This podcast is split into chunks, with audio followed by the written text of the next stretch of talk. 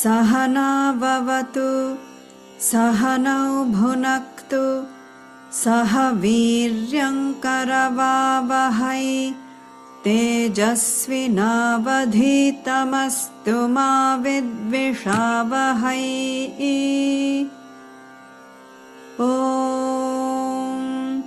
शान्तिः शान्तिः शान्तिः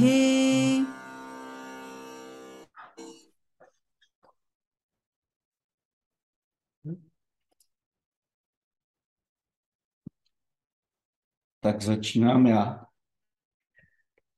Vítejte. Petra máme, Petra máme taky, ale ještě ho nevidíte. A já jsem si řekl, že teďka, když máme ty prázdniny, nebo respektive začaly nám vlastně prázdniny oficiálně, takže zkusíme na začátek jenom takovou rekapitulaci, a proč probíráme, anebo někteří z nás eh, se o to snažíme, se soustředit vždycky měsíc na nějakou hodnotu a zkusit eh, ji praktikovat. A, nebo proč se minimálně o ní povídáme. Eh, zná někdo odpověď? Jsou vlastně takový čtyři důvody, by se dali říct. Když nebudete vědět, tak já vám samozřejmě pomůžu. Chce se někdo dobrovolně přihlásit, proč eh, dáváme důraz na ty hodnoty. Respektive nejsou to vlastně jenom hodnoty, ale jsou to i ctnosti nebo uh, určité uh, jakoby, mě napadlo slovo attitude v angličtině, postoje. Postoje, eh, které bychom si měli osvojit. A z jakého důvodu? Já myslím, že to dáme dohromady, že jo, kluci? Dáme, dáme. Já to tady takhle schovám. Na začátek hodnoty jsou úplně základ všeho. Takže eh, pokud, je, pokud pokud se je nejenom naučíme, ale pokud tím se budeme řídit, žijeme si je, tak prostě budeme mít snažší, lepší život. Takže vlastně bod číslo jedna bychom mohli schrnout, že jsou výhodné, jejich dodržování a praktikování je výhodné pro i náš praktický život i proto, aby se nám dařilo v tom, jak říkáme, běžném uh, pozemském nebo světském uh, životě. Takže to je jeden důvod. No, budeme určitě šťastnější v máji. Mhm. V máji rozhodně. Pokud teda nebude zrovna pršet. Ka- ka- každý měsíc, nejenom v máji, ale ve všech měsících. ano. Tak. No, budeme mít mým problémů rozhodně. Jako. Takže to je první důvod. Pak máme ještě další, ještě bychom mohli najít další tři. Tak se nám samozřejmě uklidní mysl, takže máme lepší předpoklad pro náš konečný cíl. Přesně tak. To je vlastně z našeho hlediska jako studenta, studenta Vedanty vlastně to je nejdůležitější důvod, protože uh, jenom klidná a stabilní mysl je schopna to poznání přijmout a za druhé takzvaně asimilovat protože, jak už jsem, jsem říkal, říkal uh, minule, uh, pro většinu z té naší skupiny, myslím si, že ten náš intelekt je dostatečný pro to, abychom to sebepoznání pochopili. Nicméně, jedna věc je ho pochopit a druhá věc je, aby se ta naše osobnost jakoby díky tomu poz, sebepoznání přetransformovala. A je to míněno tak, že teoreticky my můžeme získat jedině pouze eh, poznání akademické, ale to akademické poznání nám vlastně neposkytne to, co, o, o co my usilujeme, o tu mokšu, neboli tu vnitřní uh, imunitu. Je to tak, jak už jsme si říkali několikrát, jako když hodíme kostku cukru do čaje nebo do kávy a ona je tam někde na jednom místě, ale ten čaj nebo ta káva není sladká a potřebujeme to zamíchat. A k tomu samozřejmě slouží i potom ta nididiasana. Nicméně, čím připravenější mysl je před tím poznáním, tím méně té nididiasany právě pak potřebujeme. A součástí toho je, jsou i ty hodnoty.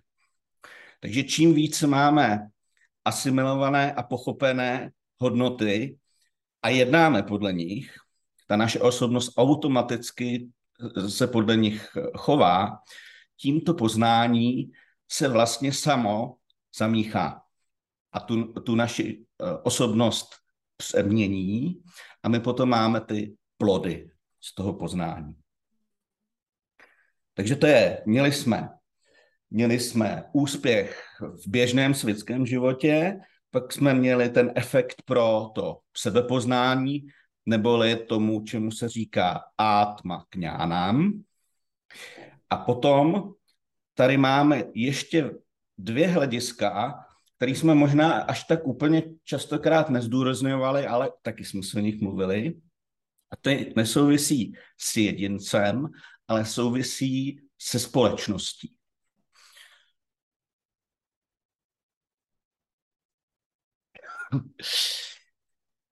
No, tak já se toho ujmu, aby jsme potom dali prostor eh, Petrovi. Uh, ty hodnoty, čím víc jedinců ty hodnoty má v sobě zabudované, asimilované a chová se k ním a, a chová se podle nich, tak to přispívá samozřejmě nejen k sociální harmonii, ta, ta, ta společnost je harmoničtější, soudržnější, ale i, a to je ta poslední část, samozřejmě to přispívá i k rozvoji a pokroku té společnosti. Protože vlastně, jako jsme si říkali i v té gitě, tam, kde se ztratí hodnoty, tam ta společnost upadá.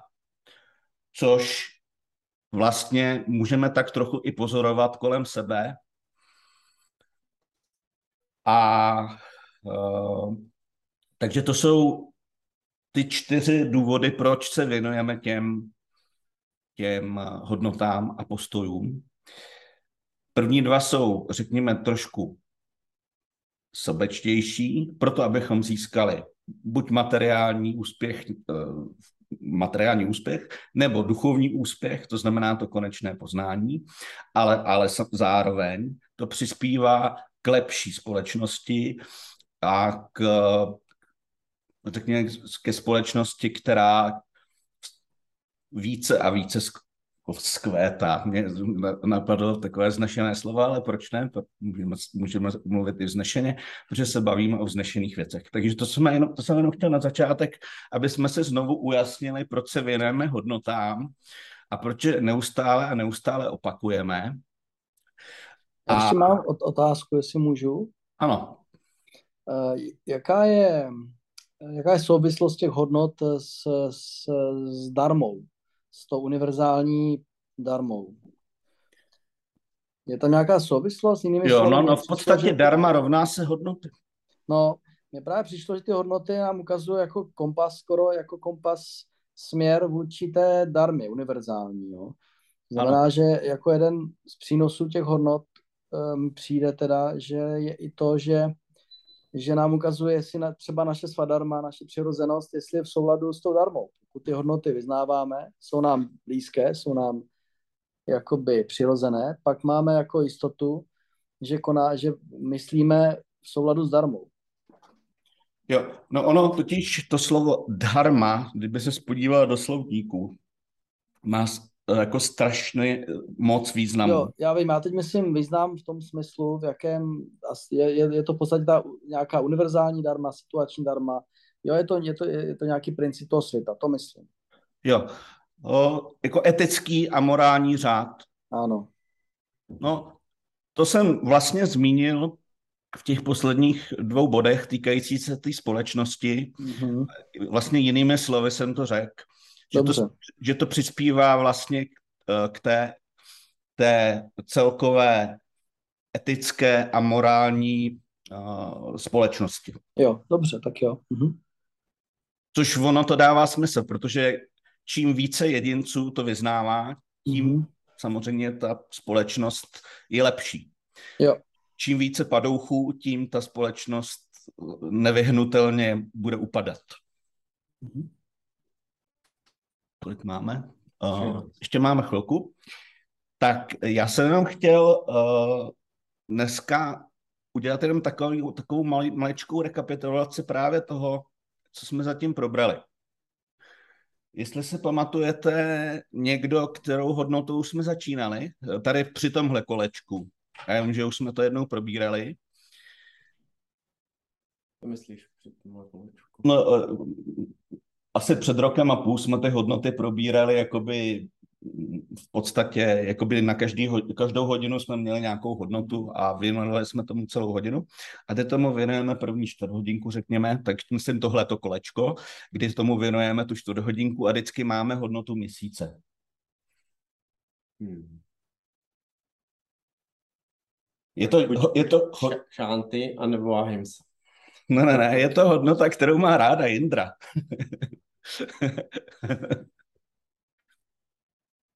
Šádek. Čistota a pořádek, neboli šaučam, to byla první hodnota, tou jsme začínali. A umí, definuj. Mhm. Tak a na, na čistotu a pořádek se můžeme dívat z úhlu určitých úhlů. Asi začínáme z toho vnějšího, to znamená mít eh, pořádek svého okolí. Čistota a pořádek svého Čistota okolí. Třeba na stole, v pokoji, v autě. I svého těla. Tak, potom to přenášíme na své tělo, ano. Aby jsme, To je furt to aby, okolí. aby jsme tělo udržovali jako... Tak to je furt externí. Jako, no? Je to pravda. A, ale, ale když jdeme úplně z toho zadního, takže nej, nej, nejzadnější bude to okolí, to znamená ta ulice, potom bude ten náš Jako nejhrubší. nejhrubší, ano, potom bude ten náš, ten náš byt, potom ten náš pokoj, potom to naše tělo. Jo, Jo? ano. Takhle. A potom asi je eh, důležité se podívat na čistotu mysli, čili té mentální. Ano. No a tady mi trošku na, napověz. Tam uh, jsme se třeba bavili o termínech dama a šama. že pokračuju v té nápovědě. Jde o to, je několik úrovní a první úroveň jsou smyslové orgány. S čím souvisí to, že je důležité, co si vlastně pouštíme do té své mysli.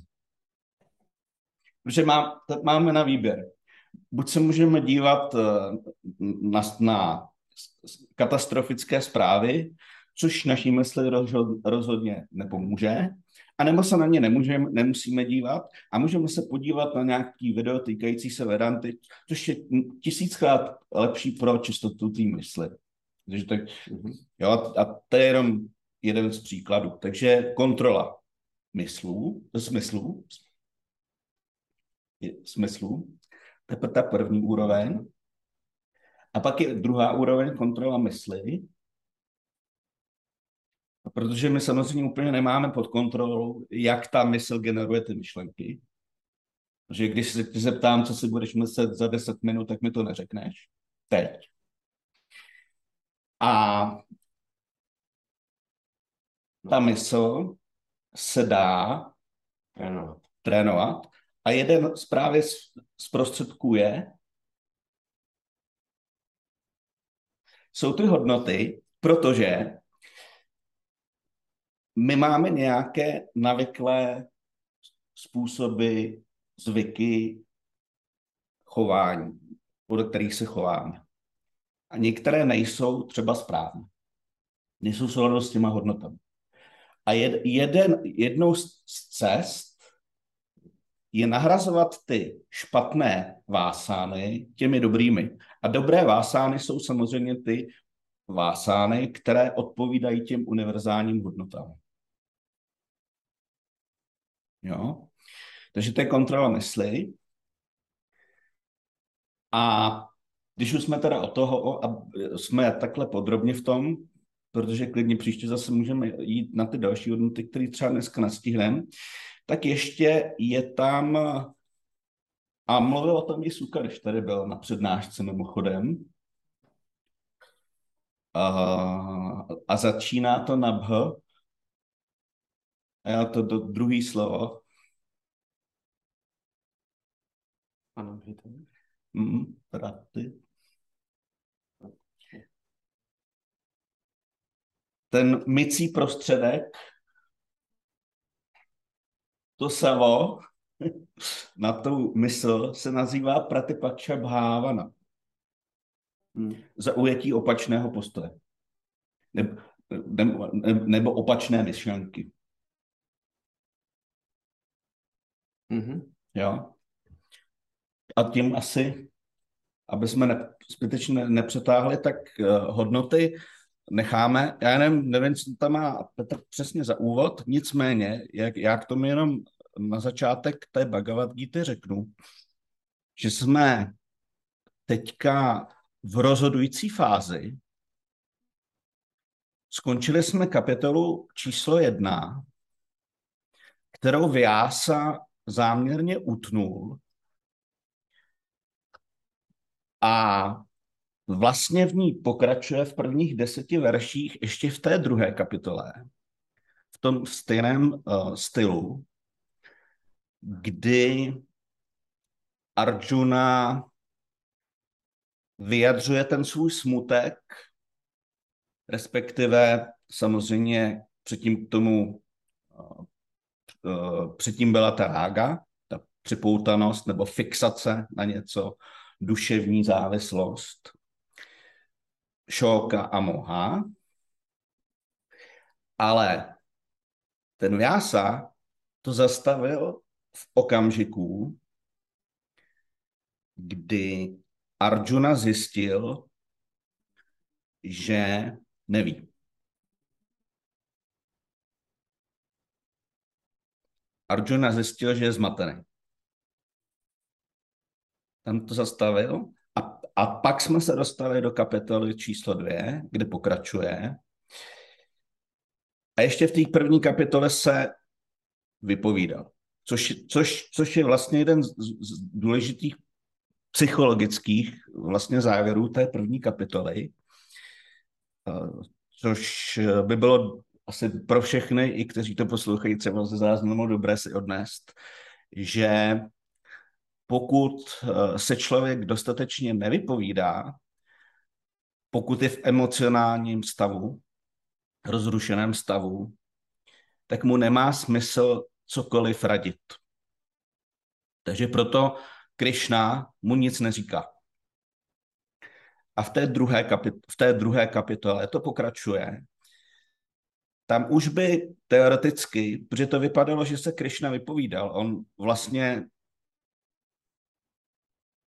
usedl do toho svého vozu, upustil ten svůj, tu svou Gandhiu, ten luk a šípy a řekl, a vlastně ten emocionální stav se dokonce podepsal i na tom jeho fyzickém. Vlastně řekl, že má, vys, že má vyschlá ústa, že, že se mu podlamují kolena a tak dále, a tak dále. Takže tam se to dokonce, ten, ten emocionální stav se přenesl do toho fyzického. Takže by se zdálo, že už, že už uh, skončil, ale v té druhé kapitole ještě, což je vlastně jakoby důvod, proč ten Vyasa začal tu druhou kapitolu ještě vlastně podobným způsobem a ještě nezačal s tou filozofií. Samozřejmě prostřednictvím Krišny. A to z toho důvodu, že si potřeboval ještě ověřit, že se ten Arjuna opravdu vypovídal. Zjistil, že se ještě úplně nevypovídal. Takže mu kladl nějaké, náv- nějaké otázky, aby to zjistil. A teď jsme vlastně ve stavu, kdy ta předehra vrcholí, vrcholí, vrcholí, vrcholí. Teď ta hudba zesiluje, zesiluje, zesiluje. Ty bubny bubnujou, bubnujou stále rychleji, rychleji, rychleji, rychleji a my čekáme na ten největší úder. A ten dneska teda nepřijde, ale dneska jsme přesně před tím vyvrcholením, což bude právě zajímavý. Takže to je jenom úvod ode mě pro dnešek Bhagavad Gita. A teď můžeme už přihlásit Petra. Štěpáne, vidíš Petra přes celou obrazovku? Jo, vidím ho uprostřed obrazovky asi na třetině, jako vidím ho jo, Mhm. jako Jo. vyřezanýho, dobrý, stačí. Tak je to prima. Tak já ho pouštím. Plus, jo. Dnes nás čeká druhá přednáška ve druhé kapitole Bhagavad Gita. Možná si vzpomenete, že a, druhá kapitola se nazývá Sankhya Yoga. Mohli bychom ji také nazvat a, Jnana Yoga, neboli yoga moudrosti. A v této kapitole od verše 12, ke kterému se již brzo dostaneme, začíná pravá Bhagavad Gita ve smyslu písma, ve smyslu učení. A na začátku Vyasa, autor Bhagavad Gita, ukazuje na příkladu Arjuny jeho transformaci z válečníka na studenta. Možná bychom také mohli říci, a tomu budete rozumět, pokud jste slyšeli předchozí přednášky, transformaci z válečníka samsáriho na studenta. A minule jsme si říkali, že takový člověk musí přejít, projít uh, několika fázemi. Třemi, po případě čtyřmi, jde o to, jak se na to díváme. Nejprve je potřeba, aby objevil, že má problém. Že to, čemu říkáme samsára, anglicky také terrestrial entanglement, neboli zamotání se do běžných, každodenních povrchních záležitostí se ho týká. A v případě Arjuny, on si prošel třemi stády, už jsem vám je mnohokrát opakoval a záměrně, abyste je měli opravdu pod kůží. Prošel si těmi fázemi, které nazýváme rága, šoka, moha, neboli lpění, smutek a zmatenost. A já bych se jenom dnes kratičce zastavil u, u lpění. A v angličtině jsme ho nazývali pojmem attachment, v sanskrtu rága. V zásadě pod tím slovem lpění si představujeme jakoukoliv psychologickou, nebo spíše asi psychickou závislost na vnějších faktorech. A pokud závisím na jakýchkoliv vnějších faktorech, tak to vede k neustálé úzkosti, že ten objekt, a pod objektem můžeme myslet i osobu nebo situaci, tak buď ten objekt ztratím, nebo toho člověka ztratím, nebo ta situace se změní a nebude taková, jaká si přeju. A to, tahle ta obava, ta neustálá úzkost vede právě k tomu druhému projevu, který nazýváme šoka. A poté naše mysl, přesně řečeno, nebo se s vámi řečeno, intelekt, ztratí schopnost rozlišovat a, a dostáváme se do vnitřního konfliktu, že eh, nevíme, co bychom eh, měli nebo neměli udělat. A, takže tolik k prvnímu stádiu, stádiu, kterým si Arjuna prošel, pochopení problému samsáry. A poté, co člověk objeví, že má problém, tak obvykle se ho snaží vyřešit tím, že přenastavuje vnější podmínky tak, jak umí.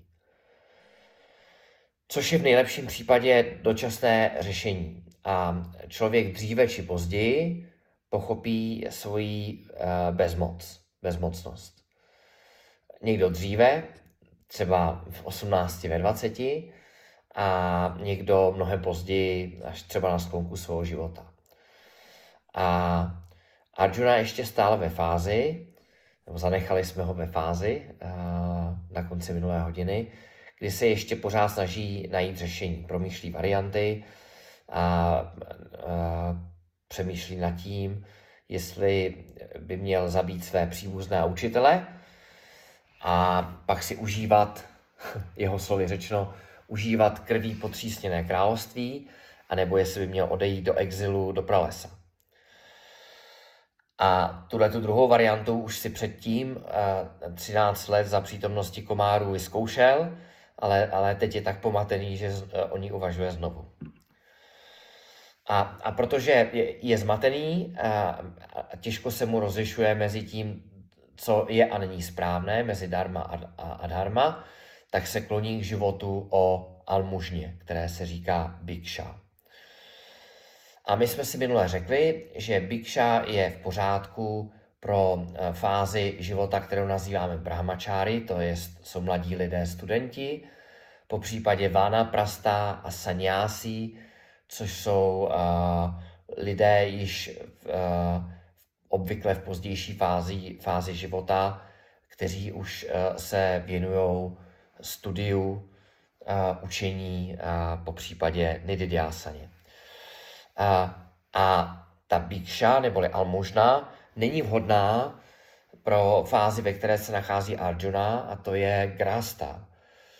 A, protože grasta, anglicky householder, česky bychom řekli hospodář, je aktivní a je to, je to naopak ten, který by měl se postarat o všechny eh, ty ostatní, eh, které jsem zmínil před chvilkou. To znamená, že pokud se Arjuna rozhodne odejít z boje, tak spáchá rovnou dva hříchy, dvě chyby. Za prvé poruší, nebo chcete-li, spronevěří se své svadharně, v tomto kontextu své povinnosti, protože uteče ze spravedlivého boje a zároveň bude žít paradharmickým životem, neboli životem v rozporu se svojí uh, dharmou, se, se svojí povinností, bude žít životem o almužně, který přísluší někomu jinému. No ale protože Arjunovo rozlišování je zastřené, zmatené i ve fázi moha, tak eh, neví, pro co se rozhodnout. A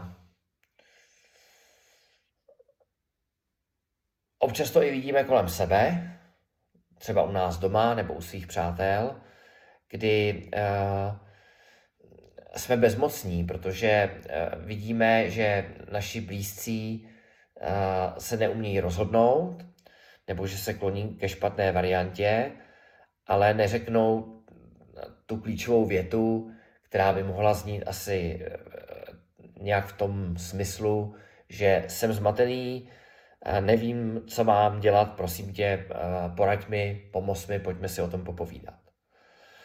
A Kršna čeká na tenhle moment, protože ví, že dokud tenhle moment nenastane, tak nemůže Arjunovi pomoci. Arjunovi není pomoci.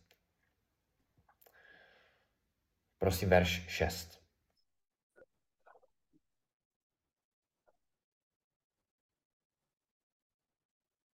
न चैतद्विद्मः कतरन्नो गरीयः यद्वा जयेम यदि वा नो जयेयुः यानेव हत्वा न जिजीविषामः तेव स्थिताः प्रमुखे धार्तराष्ट्राः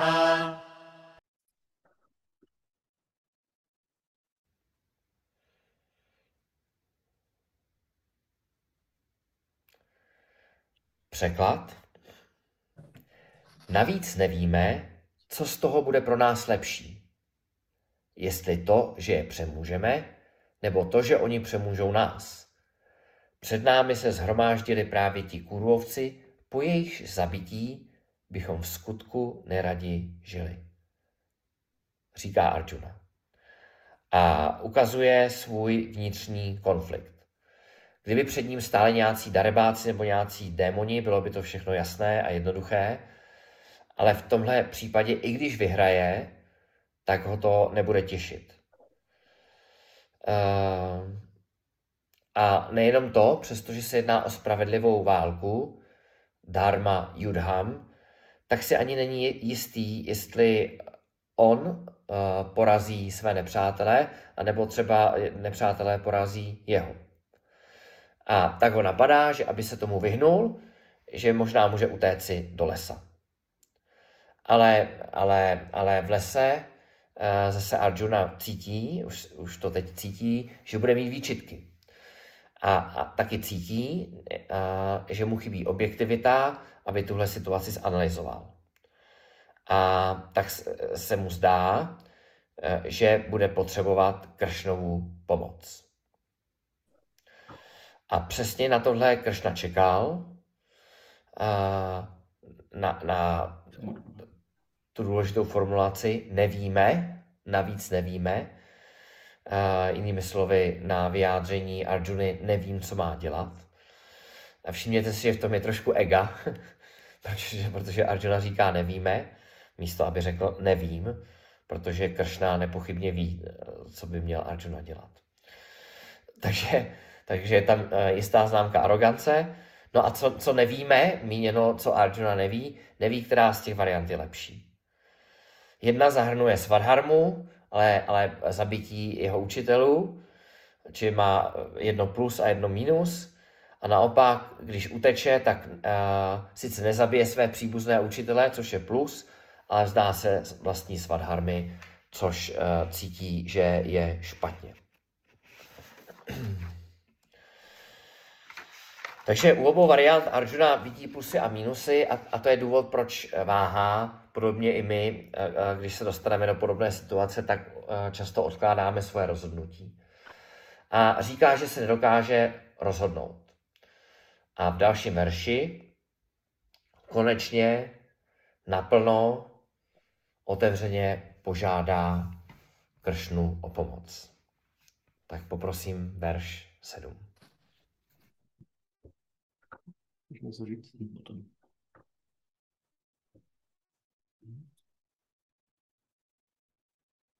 कार्पण्यदोषोपहतः स्वभावः पृच्छामि त्वाम् धर्मसम्मूढचेताः यच्छ्रेयस्यान्निश्चितम् ब्रूहि तन्मे शिष्यस्तेऽहं शाधि मां त्वां प्रपन्नम्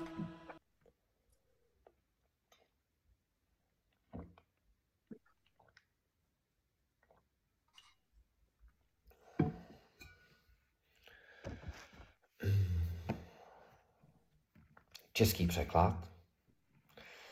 Smyslí přemoženou bezmocí a intelektem zcela pomíleným, pokud jde o spravedlnost, tě prosím. Rozhodně mi řekni, co je pro mě dobré. Jsem tvůj učedník. Uč mě, který jsem se ti odevzdal. Konečně je to tady. Trvalo to celou kapitolu a, sedm veršů kapitoly druhé. A, a do, do této chvíle, dokonce ani v předchozím verši, Kršna ještě nebyl úplně spokojen s Arjunovým uh, doznáním. A to teď konečně přichází v plné cíle, síle. Uh, Arjuna přiznává, že neví kudy kam. A říká, že uh, má mysl přemoženou bezmocí a intelekt je zcela pomílený. On hovoří o svabháva, uh, také bychom mohli říct antah karanám, uh, čím se právě myslí mysl a intelekt. A že uh, oboje je bezmocné a nefunkční. Protože když se zamyslíme nad tím, jaká je základní funkce našeho intelektu, tak základní funkcí našeho intelektu, jak víte, je rozlišovat. Uh, rozlišovat mezi dvěma věcmi, dvěma aspekty. V sanskrtu to nazýváme vivéka. Jenže intelekt je zastřený, rozlišovat nemůže, uh, kvůli a příčinou je, původní příčinou je lpění, neboli karpania doša. A chtěl jsem říct karpania doša, neboli jeho smutek žal. A to zmatení se týká darmy a adharmy, protože na jednu stranu dharma šástra jasně říká, že himsa neboli ubližování je pápam, neboli hřích. Nikomu nesmíme ublížit. Studovali jsme ahimsu ani myšlenkou, ani slovem, ani činem. A, takže jeden hlas mu říká, neměl bych nikoho zabíjet, ale, ale druhá část Arjunova já mu říká, hele, Duryodhana je největší padouch, stělesnění všeho zla a dharmy, musíme jednat. A tak se tě Kršno ptám, co mám dělat. Už jsme si říkali, že moudrý člověk nemá radit, dokud ho druhý skutečně nepožádá. Anglicky, teď jsem si nedávno uvědomil, se to maličko rýmuje. If you are wise, you should not advise. Unless you are asked unless you are explicitly or implicitly asked. If you are wise, you should not advise, unless. Takže pokud je někdo moudrý, nebo pokud někdo ví, tak nemá radit. A dokud ho druhý nepožádá. Tady malá odbočka, protože mnozí eh, máte děti, nebo třeba budete mít děti, tak je otázka, a co děti? protože děti, hlavně dospívající děti, se nikdy nezeptají, tak eh, tady s vámi Paramartananda říká, tu a tam můžete otestovat vodu a zjistit, jestli jsou připraveni naslouchat. A pokud ne, mlčte. A Arjuna ukazuje, že má otevřenou mysl, říká, uč mě, poraď mi, řekni mi, co je pro mě dobré. A poraď mi jednoznačně. A říká, aham te šišyam, jsem tvůj učedník. A právě v tomto verši se Arjuna válečník mění na Arjunu studenta. A dokonce připraveného studenta yogia shishya. Shishya je student a yogia v tomto kontextu znamená připravený. Stojí za to zmínit, co definuje připraveného studenta. My jsme, my jsme e, se o tom, se o tom mnohokrát povídali, jsou to ty kvalifikační předpoklady, které znáte z Tattva Bodhi. V jednoduchosti bychom také mohli říct, že pravým studentem je ten, který, a proto i v Indii je to trošku symbolické, když vejdete do domu, a, tak ponecháte a, vaše sandály, žabky nebo flip-flopy u dveří a do posluchárny chodíte bos. A chce se tím říci, že tam nejenom necháte své, svoji obuv, nebo jako studenti necháváme svoji obuv, ale hlavně tam necháváme všechny předpojatosti, milné názory. Čili skutečný student netestuje učitele, skutečný student se nesnaží demonstrovat před učitelem, co všechno už zná. Skutečný student přistupuje k šravanám, k naslouchání učiteli s otevřenou myslí, bez předsudků. S tím, že po hodině po přednášce se ke svým názorům a závěrům třeba můžu vrátit. Ale v čase šravanám, když naslouchám, a to, to se týká nejenom Bhagavad Gita, nejenom Vedanty, ale když komukoliv naslouchám, tak bych měl naslouchat celým svým srdcem. A tahle ta otevřená mysl se nazývá Shishyatvam nebo také Shishya Yogatvam.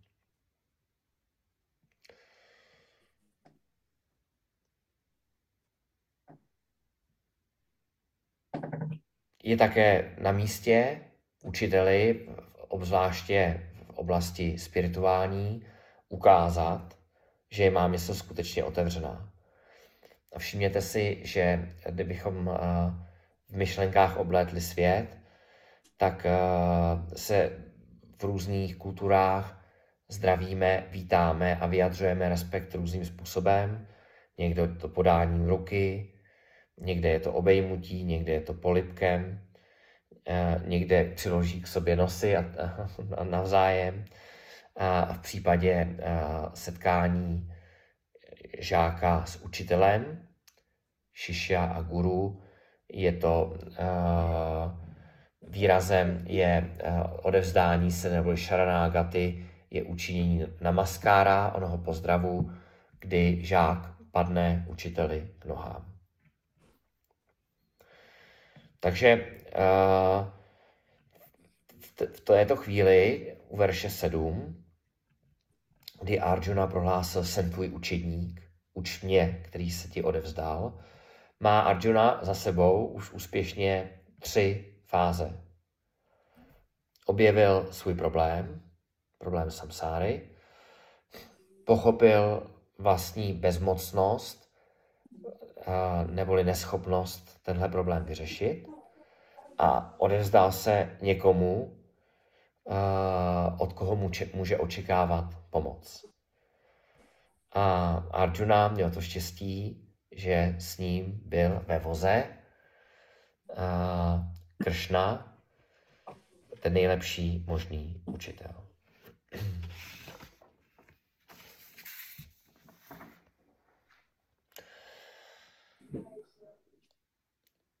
Všimněte si, že došlo nejenom k tomu, že z Arjuny válečníka Samsáriho se stal student neboli šišia, ale zároveň uh, Arjuna učinil z Kršny učitele.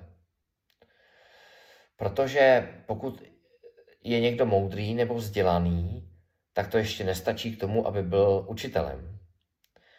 Učitelem se stávám pouze tehdy, když mám alespoň jednoho žáka. Teprve v takovou chvíli se stanu učitelem. To znamená, že Kršna nebyl guru, nebyl učitelem, dokud ho Arjuna nepožádal o to, aby mu předal učení.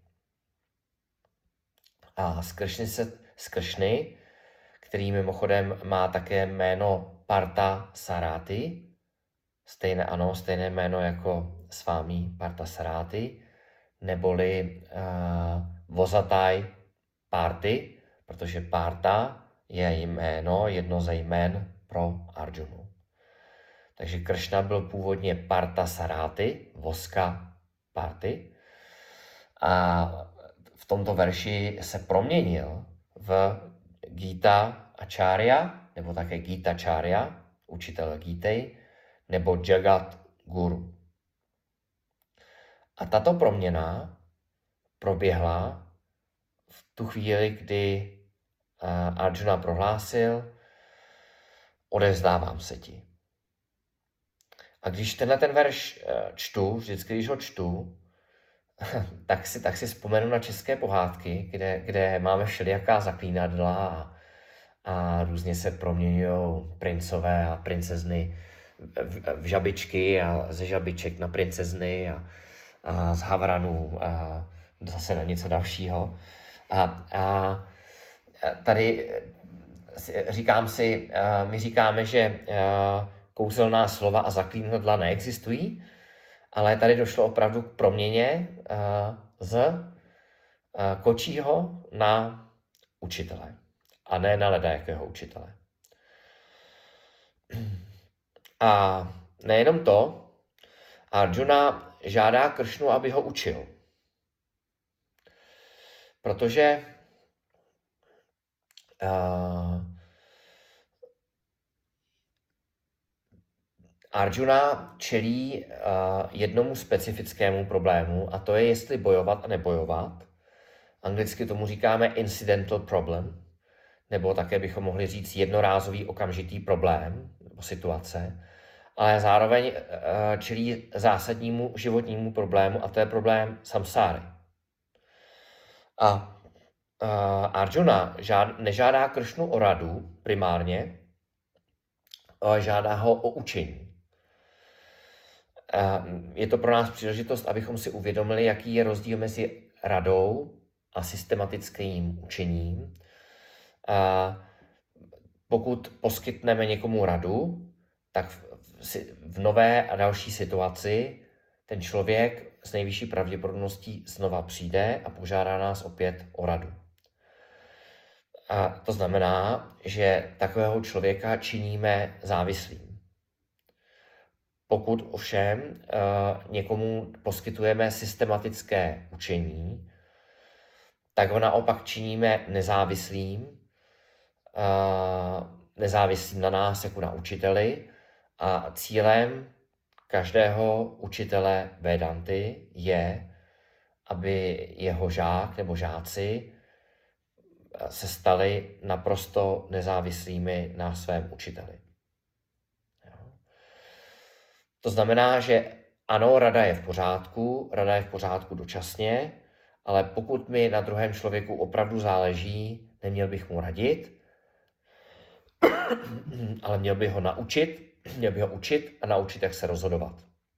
Aby díky systematickému studiu, díky poznání získal objektivitu, dostatek objektivity, aby v každé situaci uměl učinit správné rozhodnutí že rady činí člověka závislým, učení činí studenta nezávislým.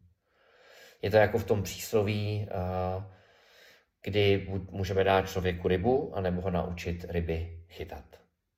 Když ho naučíme ryby chytat, zbavíme ho hladu navždy. A Arjuna požádal o učení. A v této chvíli Kršna může být skutečně spokojený. Prosím, verš 8.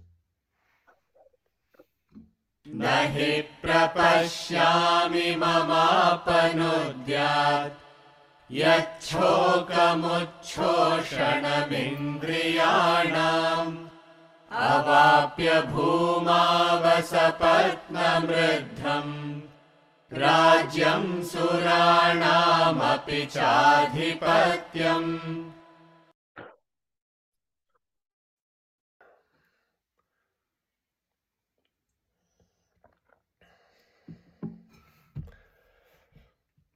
Nevidím nic, co by mohlo odstranit tento můj smutek, který oslabuje všechny mé smyslové orgány Dokonce ani poté, co bych získal bezkonkurenční, prosperující království na zemi, a dokonce ani poté, co bych získal královskou vládu nad bohy. Arjuna ještě pokračuje, ještě chviličku pokračuje a říká, že jeho zármutek je tak hluboký, že žádné hm, z lokálních pozemských řešení nebude ve skutečnosti fungovat a že ten zármutek je tak veliký, že, že uh, oslabuje všechny jeho smyslové orgány. a i orgány činnosti, i jeho schopnost myslet. A taky implikuje, a tady je to hezky řečeno, a dokonce ani poté, co bych získal bezkonkurenční prosperující království na zemi. Můžeme to přeložit do podnikatelského jazyka a říci, dokonce ani poté, co bych získal kontrolní balík akcí v uh, Amazonu. A chci tím říct, že peníze a bohatství jeho smutek neodstraní.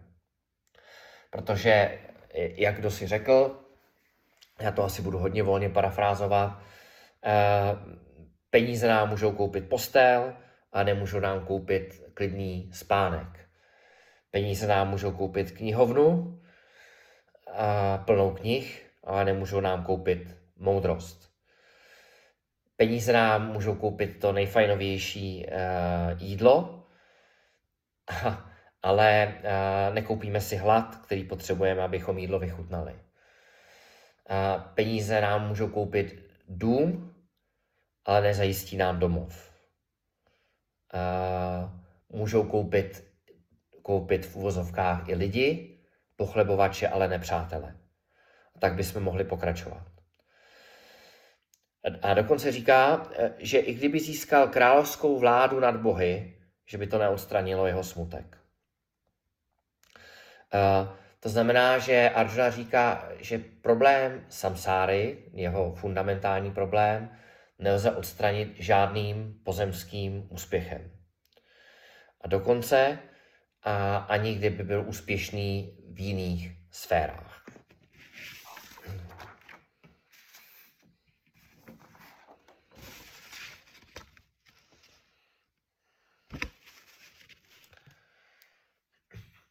A na tuhle tu zkušenost, spíše na tuhle tu skutečnost, musí každý člověk přijít sám. Na jakou skutečnost? Na skutečnost, že peníze a bohatství nejsou schopny odstranit základní životní problém, problém samsáry. A, a tak opět Arjuna jinými slovy říká, uh, hej Kršno, prosím tě, pomoz mi, uč mě. A teď v devátém verši do vyprávění opět krátce vstoupí vypravěč Sanjaya. Prosím, verš 9. सञ्जय उवाच एवमुक्त्वा हृषीकेशम् गुडाकेशः परन्तप न योत्स्य इति गोविन्दम् उक्त्वा तूष्णीम् बभूवः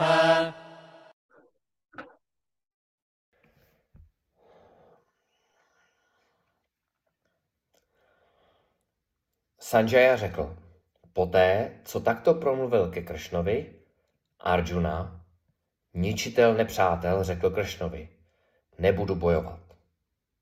A stihl.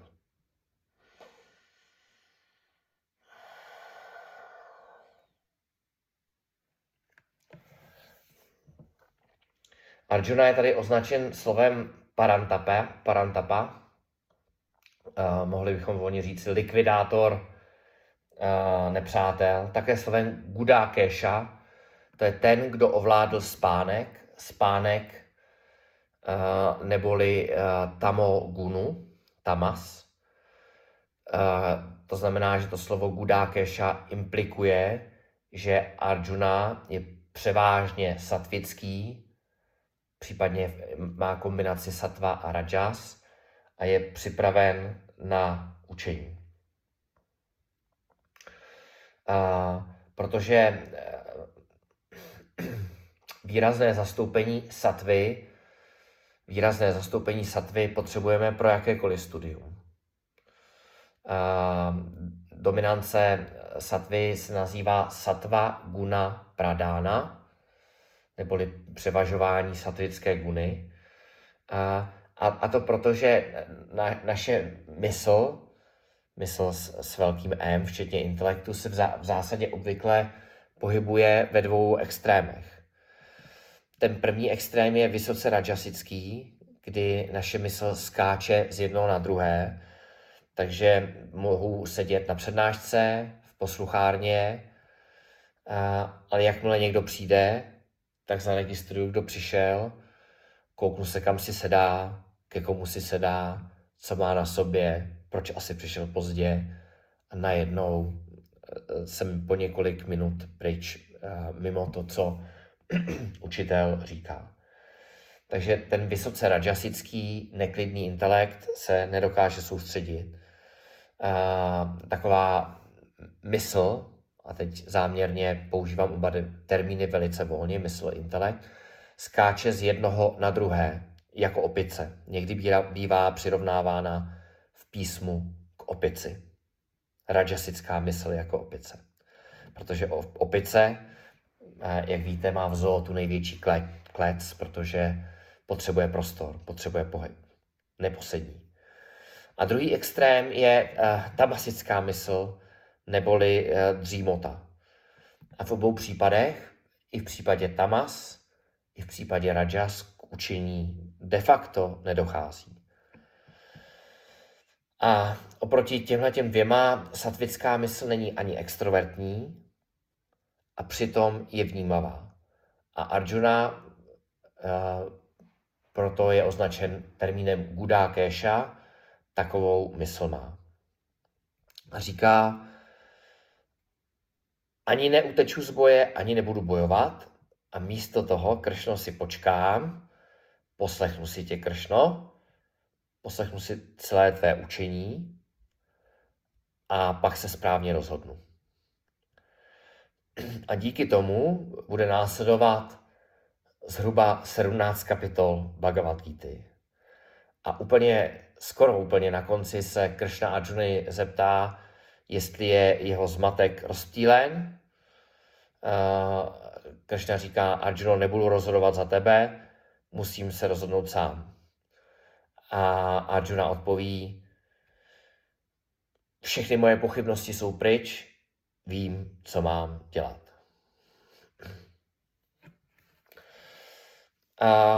Arjuna tady oslovuje eh, Kršnu eh, jménem Govinda, mimochodem velmi běžné indické jméno. A Govinda má dva významy. Jednak eh, ten první význam je, označuje toho, kdo ochraňuje svět.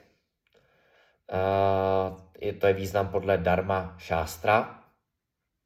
Tak jako avatar ochraňuje darmu a ničí adarmu. Tak to je první význam slova Govinda.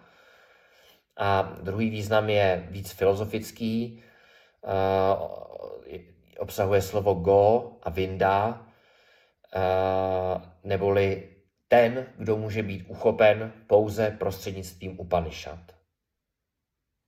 Atman, Brahman. A takovému Govindovi se Arjuna odevzdává. A, a slovo ha ještě ve verši naznačuje, že teď dojde ke zlomu událostí, protože bubny, lastury, trubky a všelijaké další troubící a řinčící nástroje utichly. Bojiště je tiché a my se konečně přesouváme z hodin psychologie do hodin filozofie. Prosím, Radko, verš 10. तमुवाच हृषीकेशः प्रहसन्निव भारत सेनयोरुभयोर्मध्ये विषीदन्तमिदं वचः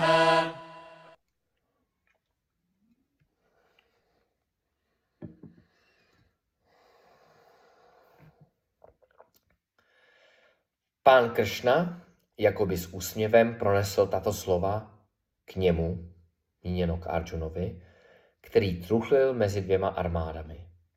O Drtaráštro.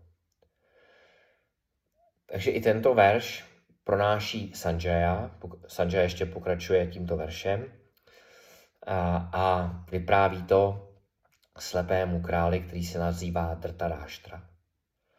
Ještě jednou, pán Kršna jakoby s úsměvem pronesl tato slova k Arjunovi.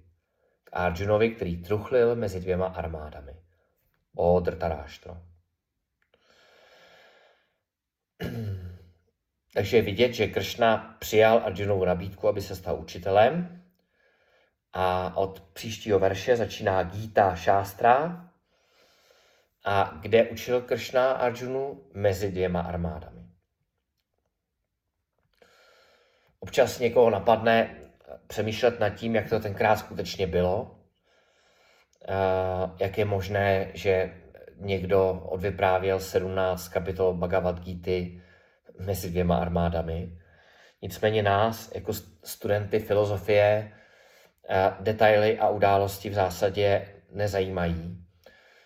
Možná to celé Vyasa, autor Bhagavad Gita, rozšířil, Možná si to Vyasa celé vymyslel, ale to, co pro nás je podstatné, je, že Arjuna, který reprezentuje kohokoliv z nás, eh, pochopil eh, svůj problém a odevzdal se učiteli.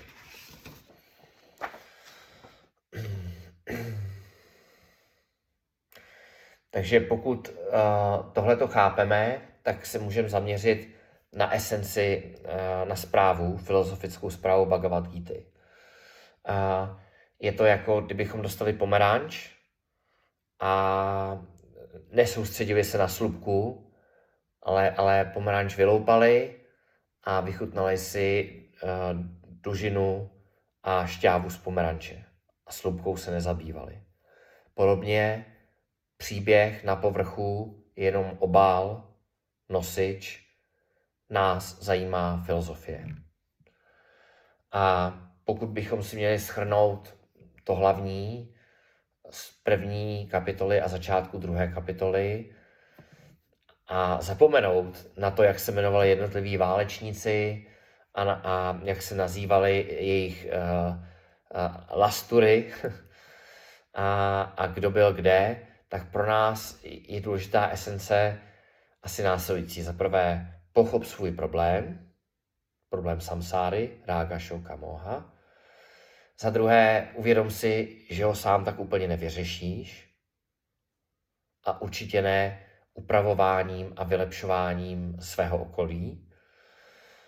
Za třetí, odevzdej se moudrému, odevzdej se učiteli. Díky učiteli a naslouchání učiteli získej poznání, získej moudrost ňánam. A za páté, buď svobodný. A pokud tohle chápeme, tak se nemusíme ptát, jestli válka Mahabharata skutečně proběhla a jestli proběhla v roce 3103 před naším letopočtem nebo v roce 5000 před naším letopočtem a, a jestli je to vůbec tak, jak je to v první kapitole popisováno.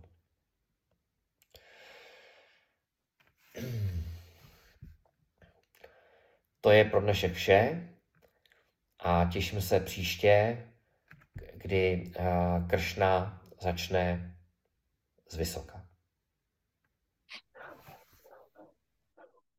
Tak poděkujeme Petrovi. Díky. Jenom Díky Petr řeknu jenom dvě věci, že dneska jsme měli první vlastně z nejdůležitějších veršů v druhé kapitole a to byl ten verš 7, na který jsme vlastně čekali celou tu dobu, kdy ten Arjuna požádal toho Kršnu o toho, aby ho učil, aby se stal jeho guruem. A přesně v následující hodině nás čeká druhý nejdůležitější, spíš ten úplně vůbec nejdůležitější verš z první kapitoly a to je ten největší gong, jak jsem právě říkal. Teď jsme měli ta předehra, v té předehře byl ten maličký gong, ta, ta sedmička, taky důležitý a, a příště přijde jedenáctka, to je na postej Big Bang, to je vlastně základ celý Bhagavad Gita. Hned ten další verš, takže se můžete všichni těšit. Om Purnamadav पूर्णमिदं पूर्णात् पूर्णमुदच्यते। पूर्णस्य पूर्णमादाय पूर्णमेवावशिष्यते। ॐ शान्ति शान्ति शान्तिः Tak děkujeme, kluci. Díky, mějte se hezky, ahoj. Za týden. Ahoj.